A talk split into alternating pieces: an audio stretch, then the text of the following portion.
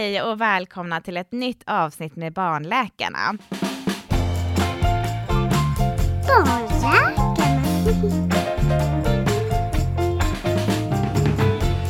Som vi lovade förra gången så ska vi ha ett till avsnitt med Sara Instamorskan Dellner idag. Och vi börjar som vanligt med att välkomna dig Sara och fråga hur du mår. Jag mår jättebra tack. Hur mår ni? Jag mår också jättebra. Ja, men jag med, men jag är lite bitter. Min elcykel har slutat fungera, så jag cyklar utan el med en bångstyrig cykel. Men du, jag är ju uppvuxen med en pappa som är militär. Vad Mhm. tror du han tycker om elcyklar? Jag försöker bara göra livet bekvämt för Ja. mig. Det är det det handlar om. Exakt, det är därför jag inte bäddar sängen på morgonen. Hela tidseffekti- tidseffektivisera sin, eh, sin tid. Nej, men Om man får lägga behövs. fokus på där man tycker att det behövs. Verkligen. Mm. Och för mig är det lite så här, ska jag hålla motivationen uppe och få upp min eh, Mm, få visst. in lite vardagsmotion Det är så tillräckligt bra. behöver jag Mm. elen. Mm. I alla fall vid uppförsbackarna och när det blåser som värst. Ja. Klokt. Rätt kläder. Han sa även att frysa en attityd. Ja, det är så. Jag kan faktiskt hålla med om det. Det, det kan diskuteras. Då har jag ganska mycket attityd tror jag. Jag brukar frysa ganska ofta. Jag med. Jag har lite mer eh, eh, naturligt skydd mot eh, kyla. Så att, eh, men eh, nej, nu, jag, jag är oftast rätt varm nu Mm. för tiden. Mm. Mm. Ja, jag kan tycka att jag kan vara varm om jag rör på mig, men är jag i lekparken med barnen som eh, håller på och springer runt och man själv står stilla bara för att ha eh, koll på alla tre som springer runt på olika ställen. Det är Då, så då, att tycker man att något inte är så jätteroligt heller så har man annat att tänka på, typ att man fryser. exakt, exakt. Då kan det bli väldigt kallt. Men vad gör man inte för barnen? Exakt, vad gör man inte för dem? Men du Sara, vi lovade våra lyssnare att vi skulle ta lite lyssnarfrågor. Mhm. Och det har kommit in eh, en del lyssnarfrågor kring Mm. fosterdiagnostik. Mm. Det är ett väldigt intressant ämne. Mm. Och jag tänker, jag menar, vi jobbar ju inte med fosterdiagnostik. Vi barnläkare, vi eh, är med liksom efter att barnet är fött, inte så mycket innan. Så att vi har också en del frågor. Kan Det kan ju till exempel bli saker man hittar Ja. på ultraljud och så står det liksom i sammanfattningen eller Ja, så här, ska kontrolleras av barnläkare på Ja. BB. ja men det, det är då det är då vi involveras. Och det är, då, det är de gångerna där jag går in i liksom ultraljudssvaren och läser. Och då gäller det att försöka dam, förstå dam. vad som står. För de kommer ju sen och frågar. Ja, Och där står man bara uh-oh. ja. Oftast är det ju på BB som liksom Ja. första gången vi barnläkare möter eh, barnen. Mm. Mm. Mm. Men jag tänker att det finns olika anledningar till att gravida vill göra fosterdiagnostik. En del har ju ärftliga sjukdomar och annat som kan öka riskerna för fostret och graviditeten. Och en del vill få reda på eventuella avvikelser för att kunna förbereda sig så bra som möjligt. Och andra vill veta för att kunna ta ställning om man ska gå vidare med abort eller inte. Och vissa kanske inte alls vill göra någon fosterdiagnostik överhuvudtaget för att resultatet av testerna inte spelar någon roll.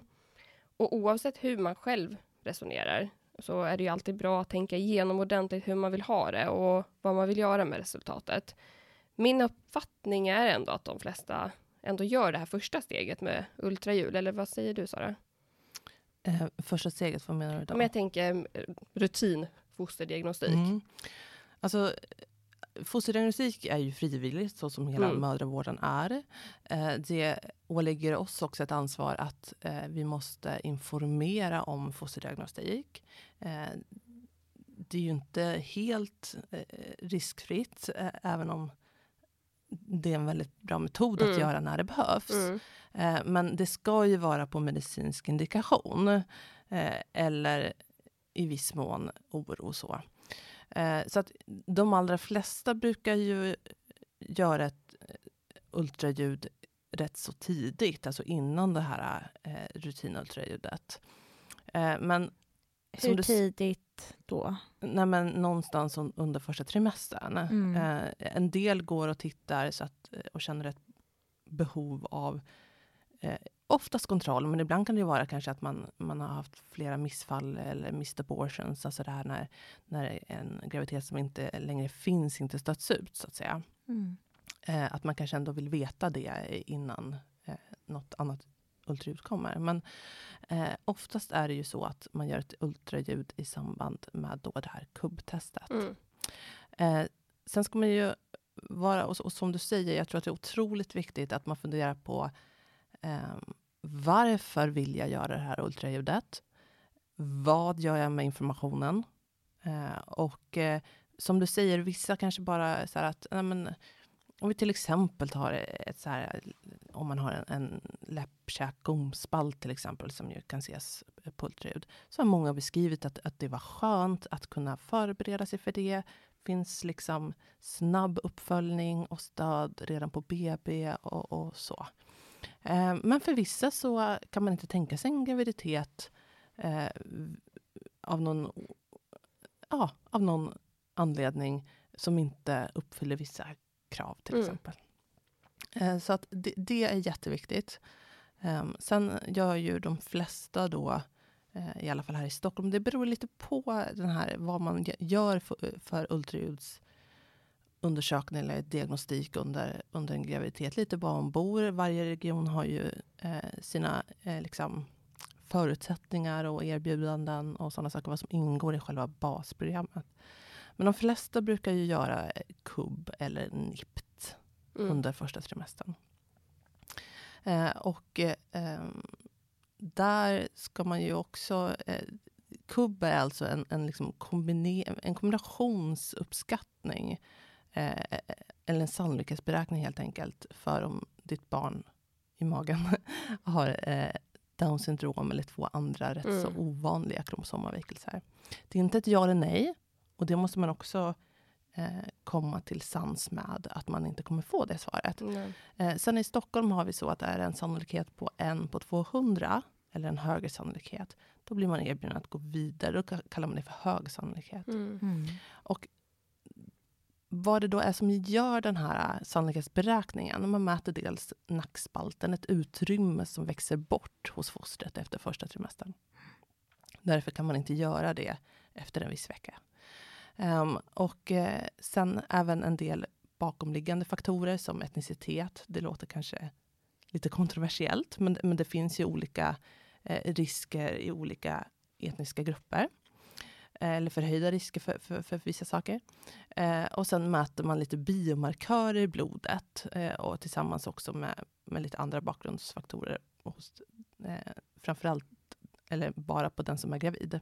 Inte då på eventuell pappa till exempel.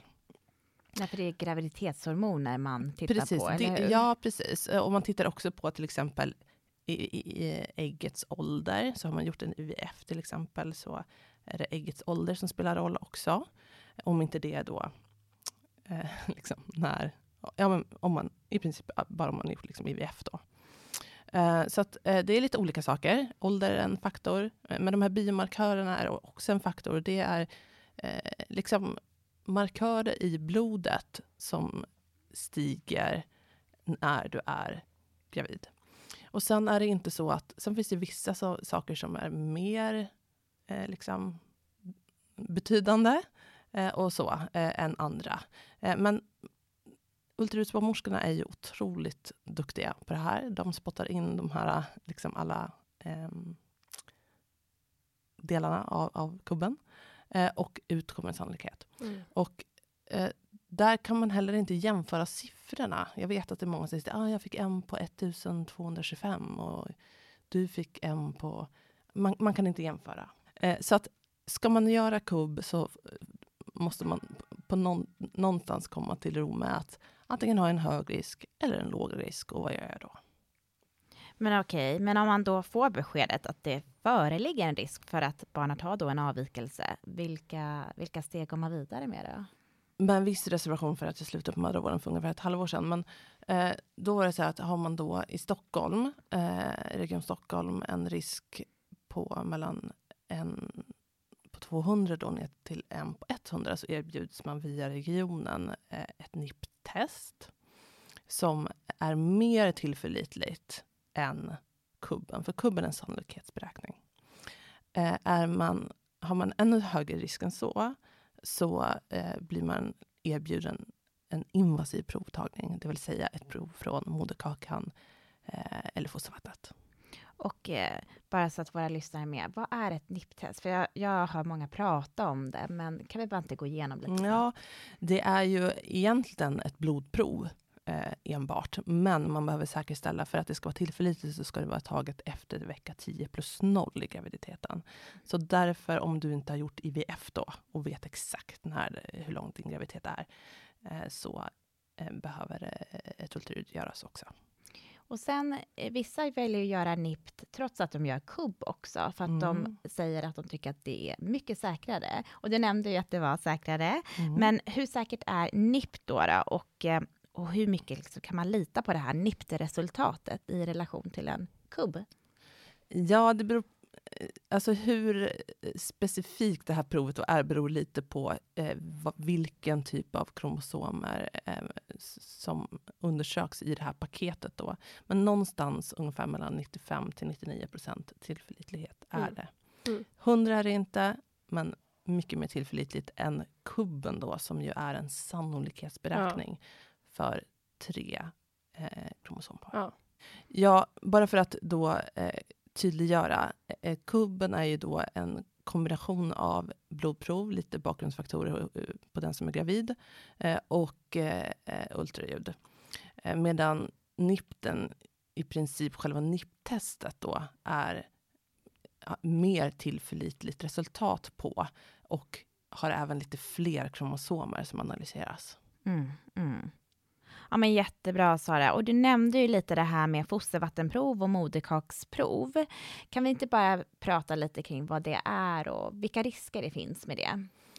Ja, men precis. Det här är någonting som görs av eh, läkare på ultraljudsklinik. Eh, och eh, det är ju väldigt låg risk då, för man gör ju en liten punktion in i livmodern. Men det är enstaka procent, eller mindre än en procents risk för eh, missfall. Eh, så att eh, däremot är det väldigt tillförlitligt. Och då tar man, kan man ta, moderkakan har ju uppsättningar både den gravidas och fostrets eh, DNA. Alltså genuppsättning. Eh, Medan fostervattnet har ju bara barnets. Så att det är två olika sätt kan man säga. Man går in och suger upp lite fostervatten eller man tar en pytte, pytte, pytte, pytte av moderkakan och skickar det här för analys. Och, hur, och hur gör man det? Hur går man in? Hur menar du? Ja, man går in med en liten, liten nål. Mm. Via magen då kanske någon sitter och undrar, eller är det via underlivet? Nej, men precis. Man går ju in via huden på eh, magen. Mm. Precis. Men okej, men om det är så att man misstänker att ett foster har en kromosomavvikelse så behöver man ju berätta det för föräldrarna. Och då undrar några också, när ger man de här beskeden och hur brukar det gå till? Och brukar båda partners vilja höra samma information? Eller har du varit med om situationer där de vill höra olika mycket? Nej, alltså de som ger den här informationen. Dels är det vi som, som vårt uppdrag som, som barnmorskor på barnmorskemottagningen är ju att informera kring vad kan du förvänta dig för eh, resultat? Eh, vad innebär resultatet och så vidare. Sen är det ju de här eh, som utför ultraljudet, till exempel då eh, kubben. Så, då är det ju en ultraljudsbarnmorska som eh, ringer upp. Eh, man kan ju också få det här eh, svaret via alltså digitalt. Eh, men är det så att du blir vidareskickad till liksom mer, till exempel fostervattenprov eller moderkaksprov, så är det den läkaren som hör av sig. Eh, och det går ju inte på en dag, utan det kanske brukar ta upp till två veckor att få svar. Ja, det gäller att ha is i magen. Det är klart att det måste ju vara jättejobbigt Ja, att få visst, höra att visst. det kanske finns en avvikelse. Och så Ja, där oftast och är det ju inget. Utan, utan oftast så har man en förhöjd risk och så blir man jätteorolig då. Man, man, går, eh, man ska nog ha funderat lite. Det är klart man får ändra sig, men Mm. man ska nog fundera lite på vad väljer jag att gå vidare med då? Eh, och eh, eh, att man är beredd på att det här är inte ett, ett i första svängen ett, ett, ett ja, ja eller nej i mitt barnfrist. Sen tror jag också att man måste förbereda sig på att bara för att man gör alla de här sakerna, om du till exempel går vidare till rutinultraljudet, där man tittar igenom alla organ, man kollar på fostervattenmängden, man kollar på navelsträngen, att den har rätt antal kärl, man daterar om man inte har gjort det tidigare. Eh, för att, alltså, även om allt ser bra ut, vad vi kan se på ett ultraljud, så ser det inte allt. Vi har inte 100 procent eh, liksom, täckningsgrad för, för att upptäcka eh, alla former av avvikelser.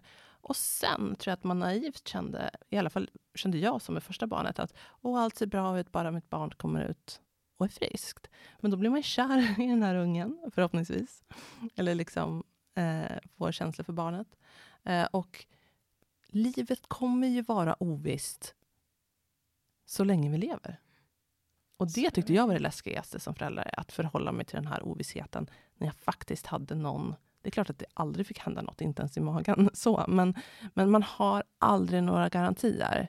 Eh, och ju fortare, jag säger inte att jag, jag har gjort det, men ju snabbare man liksom landar i någon slags, närmar sig någon slags acceptans i att livet är ovisst på ett sätt som man kanske inte har tänkt på innan eller utsatts för innan.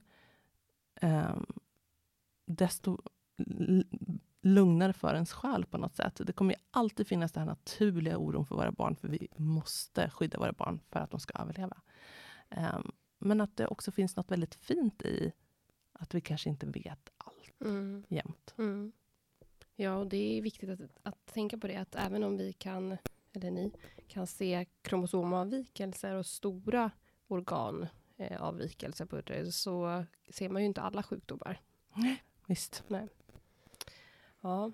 Och så det finns ju såklart jättemycket att prata om just fosterdiagnostik. Man kan ju djup, eller djupdyka ganska långt ner i det. Mm. Men är det någonting mer som du hade velat skicka med eh, våra, till våra lyssnare? Något om det? Annars tänker jag att vi går vidare till nästa. Jag tror att vi bara har berört det mesta. Ja, ja men bra.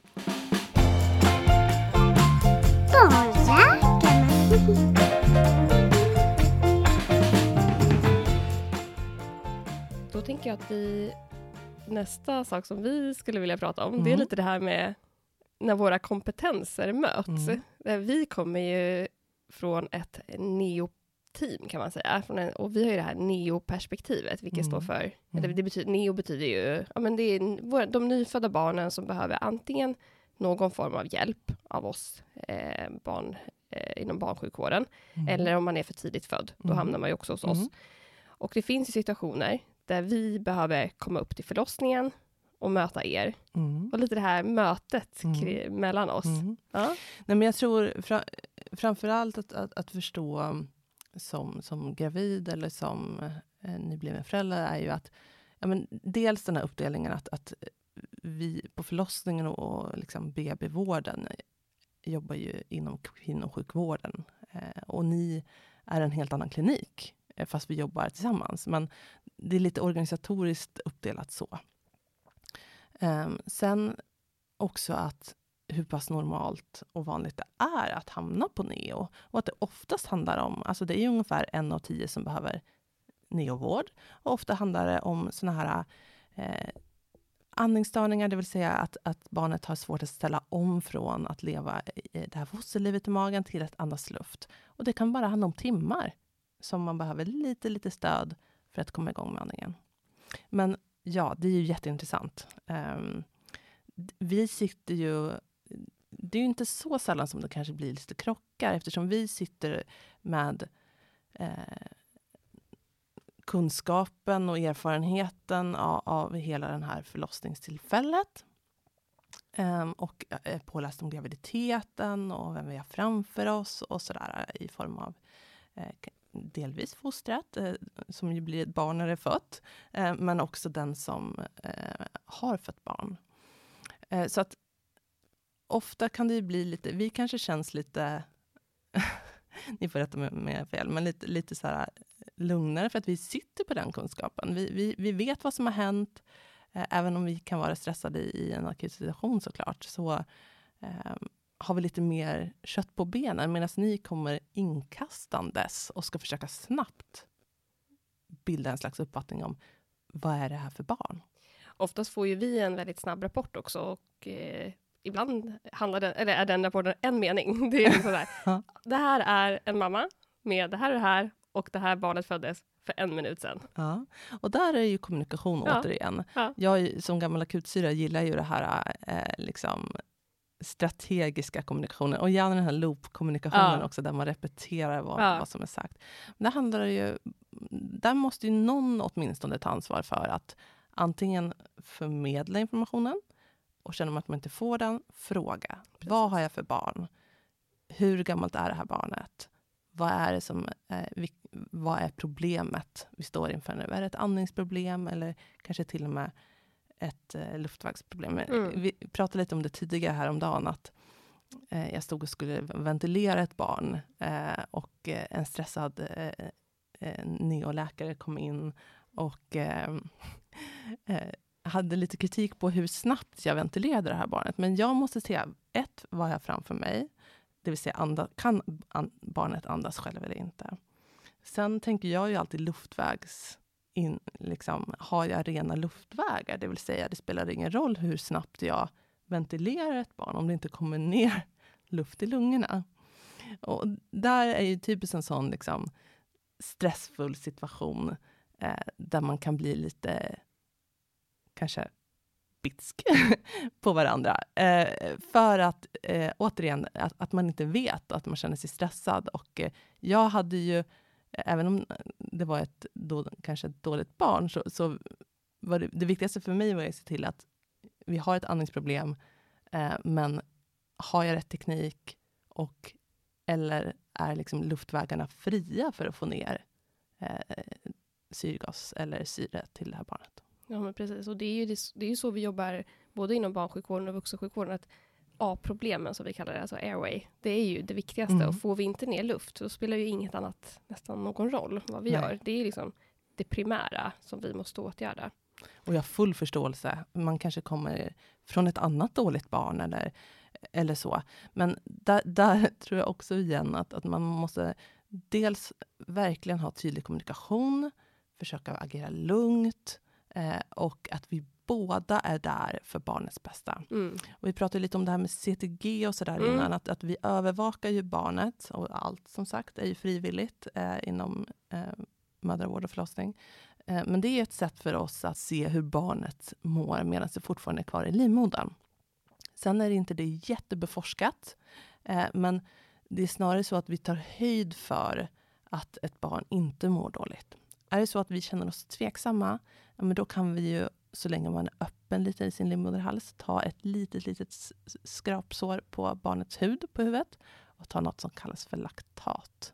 Det vill säga, enkelt förklarat, om barnet är så pass stressat att det producerar mjölksyra, ett tecken på att det här barnet antingen då inte mår bra om det är förhöjt laktat, eller att vi kan känna oss trygga med att eh, det mår bra. Men det här laktatets värde är ju också något, det vet ni själva om ni Mm. skulle springa lopp. Det är någonting som är eh, väldigt eh, liksom, kort intervalls giltighetstid på. Så det behöver man ta eh, mm, var 20 minut för att Ja. se att det är stämmer. Och det brukar vi få rapport om när ni ringer. Och vi kan säga att vi har tagit ett lakat och det ser ut så här. Och då får Exakt. vi också en liten Ja. förvarning om vad, vad vi har framför oss och Exakt. kan planera. Exakt. Och då tänker jag att det här med CTG är ju en, absolut en sån eh, viktig faktor som hjälper liksom, planeringen framåt. Mm. Men berätta, vad är CTG för något?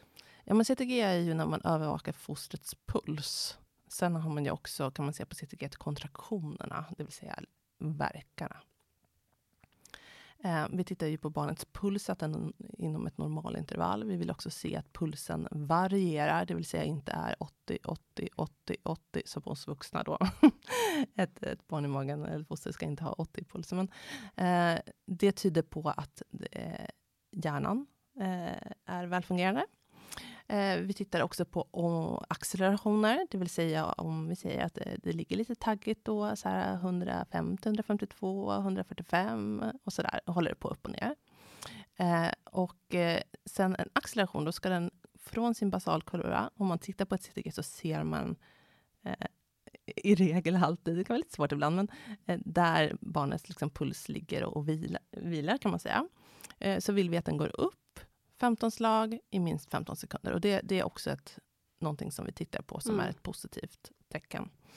Eh, sen eh, tittar vi om den går ner i sin, från sin basalfrekvens, till exempel. att Man, kanske har, man kan jämföra det kanske lite som vilopuls hos, hos oss det. födda. Ja, liksom.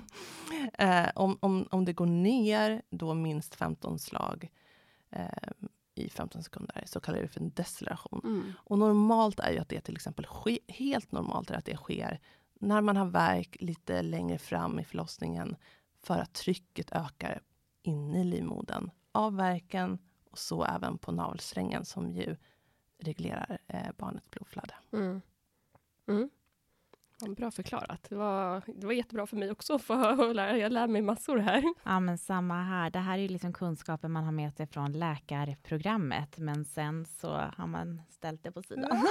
Och sen är det ju viktigt att, att vi också tittar på, eller det gör vi också i CTG-bedömningen, eh, hur mycket verkar har vi? För att, att, att eh, det måste finnas, eh, det får inte vara mer än fem verkar på en tio period. Och det här är för att blodflödet i moderkakan och navelsträngen och så ska kunna eh, återhämta sig. Eh, så att eh, det är också en jätteviktig faktor. Man, man, får inte ha för mycket verkar. Och det sker ju i regel eh, endast när vi eh, stimulerar med verkdropp. Mm, just det. Och om man har ett påverkat CTG, som vi brukar Mm. kalla det, Mm. om eh, ni tycker att CTG avviker, i vilket stadie ringer ni efter ett neotim? När vill ni liksom ha oss där?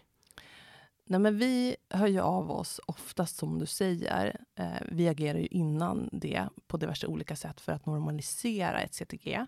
Eh, är det så att vi känner oss oroliga, eller vi, det är läkarna eh, som eh, tar det här laktatprovet då. Och då kan man ju bestämma sig för hur man vill avsluta eh, förlossningen snabbast för barnets skull.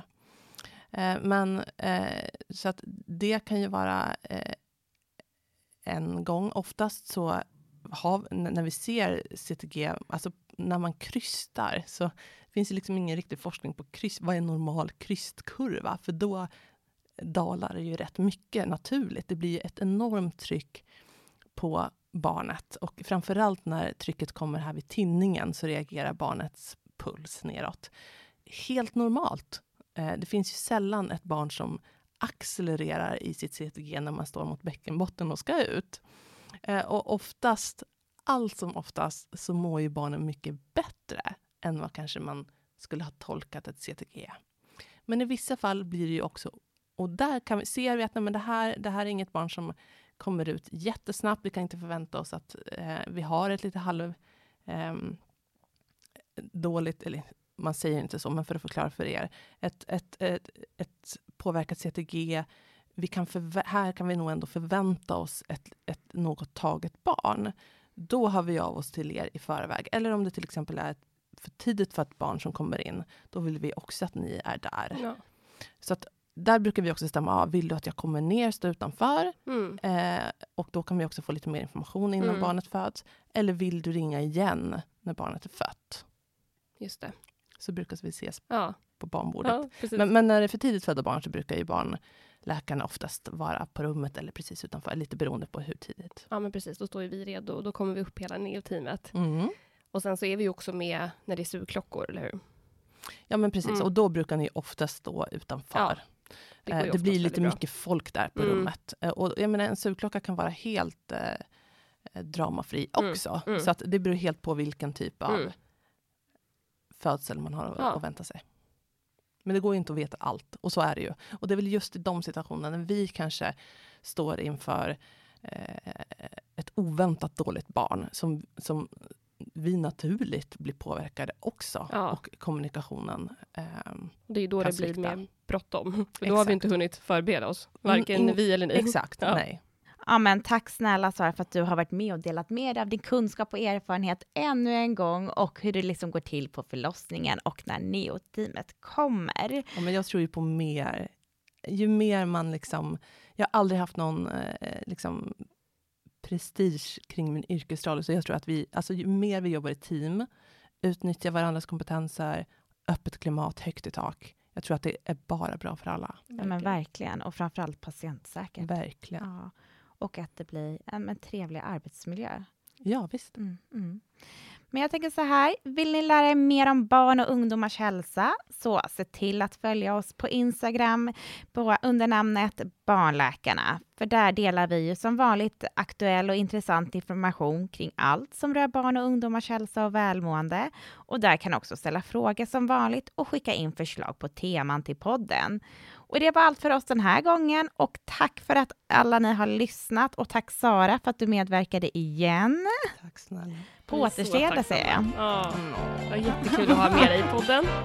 Håller med, håller med. Tack. Tack. Hej då.